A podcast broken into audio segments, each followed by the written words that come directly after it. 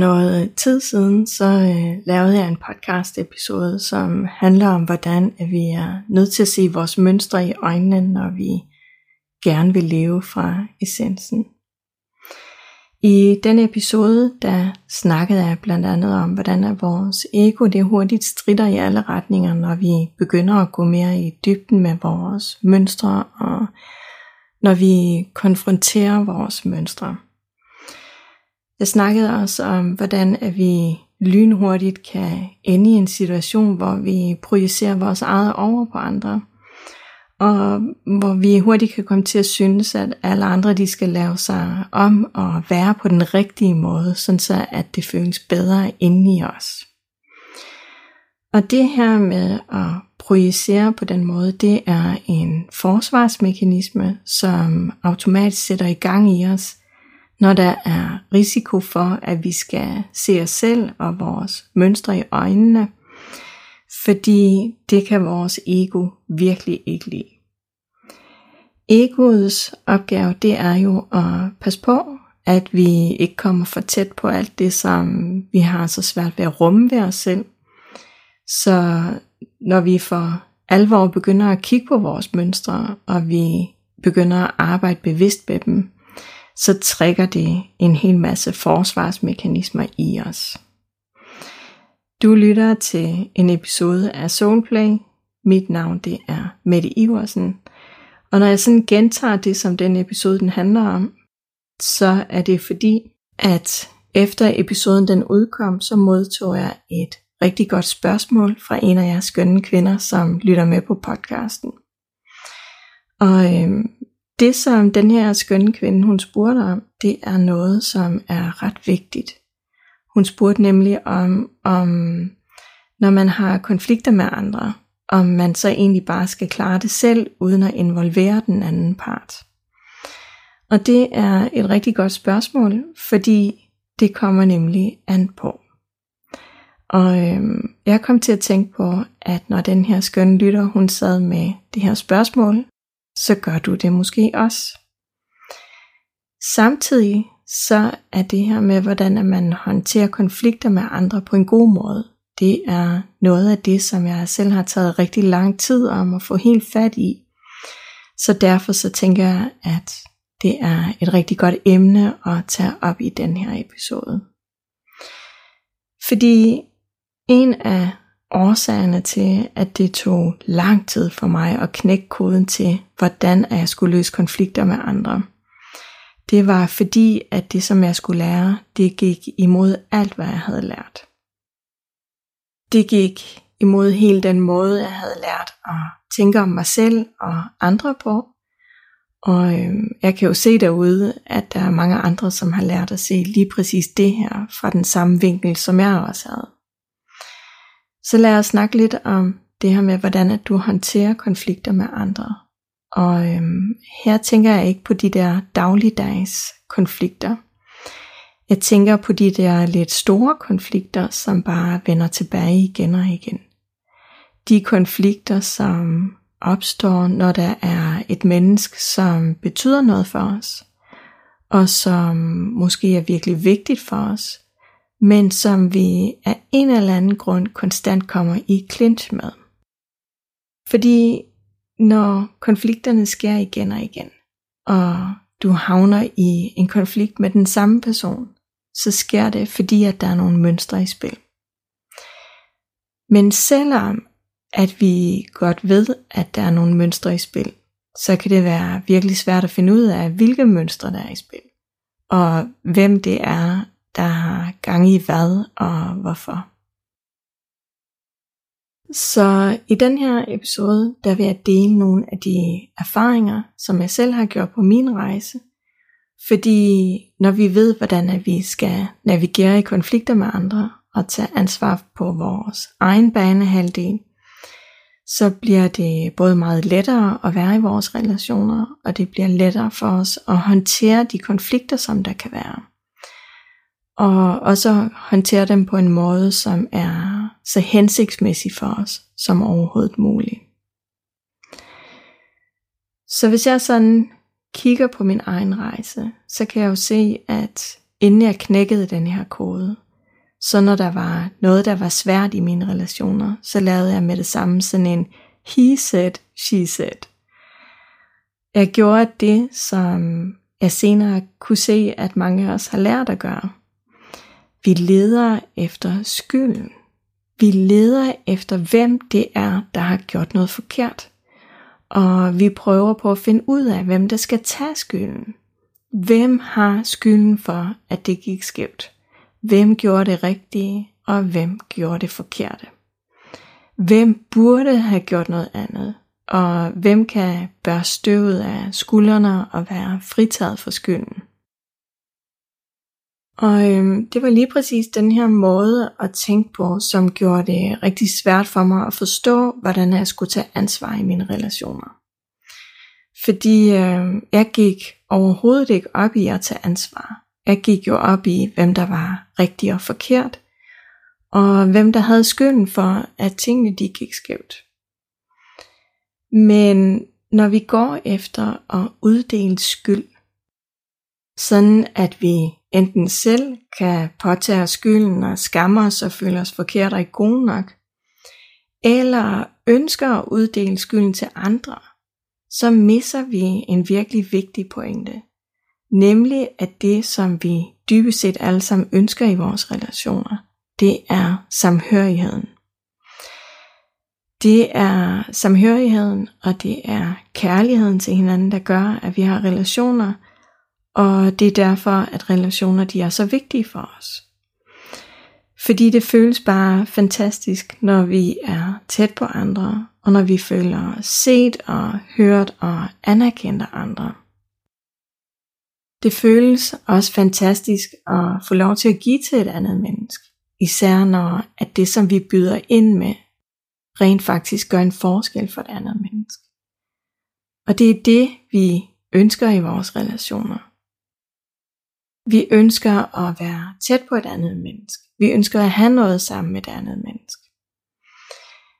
Men når vi deler skyld og skam ud, så gør vi jo hinanden forkerte, og vi fjerner os fra hinanden. Til gengæld så er det en fantastisk forsvarsmekanisme, vi har, når vi sætter gang i skyld og skam, og når vi går direkte efter struben ved andre.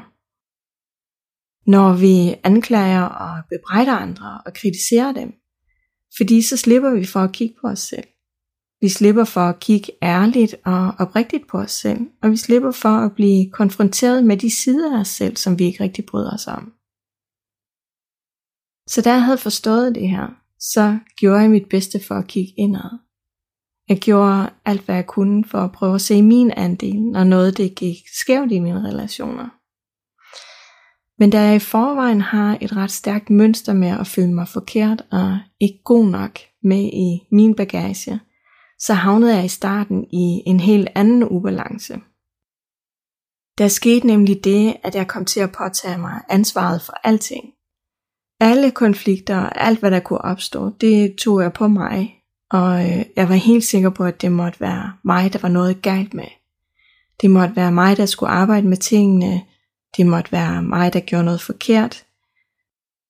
Så al den her kritik og skyld og bebrejdelse, som jeg før havde smidt i hovedet på andre, den begyndte jeg at vende indad i stedet for. Og øhm, selvom at alle os, der har den her tendens med at vende tingene indad, måske et eller andet sted synes, at det trods alt er bedre at vende det indad, end det er at vende det udad mod andre. Fordi så går det der i det mindste ikke ud over andre. Der vil jeg bare sige, at det ene er ikke hverken finere eller bedre end det andet. Begge dele, uanset om du vender det indad eller udad, er en energimæssig ubalance, og det koster kassen for os hver gang, fordi vi har gang i noget, som ikke bare fjerner os fra andre, men det fjerner os også fra os selv. Vi kan nemlig ikke kritisere og bebrejde andre eller os selv, og samtidig være i balance og være i dyb kontakt med os selv. Det kan ikke lade sig gøre, fordi det er to vidt forskellige frekvenser, som det handler om. Og så længe vi tror, at problemet handler om, at den anden bare skal ændre sig, så det hele kan blive godt igen, eller vi tror, at vi bare skal være den bedste udgave af os selv og anstrenge os for at være et godt menneske og sørge for, at andre de ikke bliver sure på os, så har vi faktisk misset endnu en vigtig pointe. Vi har misset den pointe, at vores opgave ikke er at være alt muligt andet end dem, vi nu engang er. Vores opgave er at være os, med alt hvad vi er eller ikke er. Vores opgave er at kunne rumme hele os og tage os kærligt af os selv. Så da jeg var færdig med at pege fingrene over mod alle andre og kræve, at de skulle forandre sig, og bagefter færdig med at pege fingrene ind mod mig selv og bebrejde mig selv, at jeg ikke var god nok til at være et godt menneske, og fordi jeg ikke kunne undgå alle mulige former for konflikter, så gav jeg op. Jeg orkede ikke at kæmpe længere. Og øh, normalt er det ikke det bedste for os at give op, fordi så får vi jo ikke det, som vi i sidste ende ønsker os. Men her var det faktisk en god ting, fordi jeg gav ikke op, selvom at det var det, jeg troede på det tidspunkt. I stedet for, så gav jeg slip. Surrender. Og i det øjeblik er jeg stoppet med at ville være alt muligt, som jeg ikke var, men stået ansigt til ansigt med mit forfængelige ego, så skete der noget. Jeg opdagede, at jeg bare er et menneske. Et menneske med alle mulige sider og facetter og mønstre og bevisninger og tanker og følelser. Jeg opdagede mit ego og hvordan at det hele tiden arbejdede for ikke at påtage sig et ansvar for mig og mit liv. Og jeg opdagede, at hvis jeg vil have et liv, der gav mening for mig, så var jeg nødt til at ændre mit fokus. Jeg var nødt til at højne min bevidsthed og begynde at træde ud af mit ego og se tingene fra et højere perspektiv. Og når man siger den her slags, så lyder det altid så let. Og det er det ikke. Det er hårdt arbejde, fordi når vi vil hæve vores bevidsthed, så kræver det, at vi er opmærksomme. Det kræver, at vi er nærværende, og at vi opdager, hvad det er, at vores ego det har gang i. At vi caller bullshit på vores ego, og at vi kigger vores mønstre dybt i øjnene. Og det kræver, at vi tør kigge på, hvordan vi egentlig opfører os, både over for os selv og over for andre. Og at vi tør indrømme, hvorfor at vi spiller det game, som vi har gang i. Det er her, at vi begynder at kigge ind under de masker, vi har taget på engang, og som er klistret så meget fast til vores ansigt, at vi tror, at det er sådan, vi ser ud. Og først her, der er vi klar til at tage ansvar. Først her er vi klar til at stoppe med at få det til at handle om alle mulige andre end os selv. Og der sker bare noget magisk i vores relationer, når vi begynder at tage ansvar. Fordi det at tage ansvar, det betyder, at i stedet for at vi kigger på alle andre, og kigger på hvad de siger og gør, og ikke siger og ikke gør, så kigger vi på os selv. Med blide og kærlige og forstående øjne. Fra en højere bevidsthed. Vi kigger på os selv, og vi spørger os selv, hvad har jeg brug for? Hvad er godt for mig i det her? Hvordan ønsker jeg at leve mit liv? Hvad er mine værdier og ønsker for mig og mine relationer? Så det er her, hvor at vi for alvor tager vores power hjem. Vi begynder at forstå, at vi ikke kan gøre nogen som helst forskel over på andres banehalvdel. Vi kan ikke bestemme, hvad andre de skal eller ikke skal gøre. Vi kan ikke styre andre eller ændre dem. Vi kan ingenting gøre over på andres banehalvdel. Og derfor så skal vi stoppe med at vi have andre til at ændre sig, når noget det er svært i vores relationer. Og Maya Angelou, en berømt digter, hun sagde engang, første gang at nogen de viser dig, hvem de er, så tro dem. Og personligt, så synes jeg, at vi skal give andre lidt mere end en chance. Men pointen er, at i stedet for, at vi vil have andre til at ændre sig og lave sig selv om, sådan så de passer til os, så skal vi kigge på, hvordan andre de er. Uden at dømme dem, uden at kritisere dem, i hvert fald i det omfang, som vi kan. Og så skal vi kigge på, om det er noget for os. Er det, som det andet menneske det har at byde på, er det noget for os? Er det sådan en relation, vi har lyst til at være i? Matcher det vores værdier? Eller føles det grænseoverskridende for os? Og ud fra det, som vi mærker, så skal vi i ture handle på det. Vi skal handle i alignment med vores inderste værdier. Og det er lige præcis her, at det tit går galt, når det er. Fordi hvis vi laver en masse undskyldninger for den måde, som andre de er på, så er det, at vi ender med at gå på kompromis med os selv og vores værdier. Og hvis vi har en tendens til at gøre det, så har vi noget ved os selv, som vi har brug for at få kigget på. Så har vi et indre arbejde, som vi skal have lavet der. Fordi hvorfor er det, at vi går på kompromis med os selv? Og nu er vi så tilbage ved det spørgsmål, som jeg fik. Når man har konflikter med andre, skal man så bare klare det selv, uden at involvere den anden part? Og svaret, det er ja. I hvert fald til at starte med.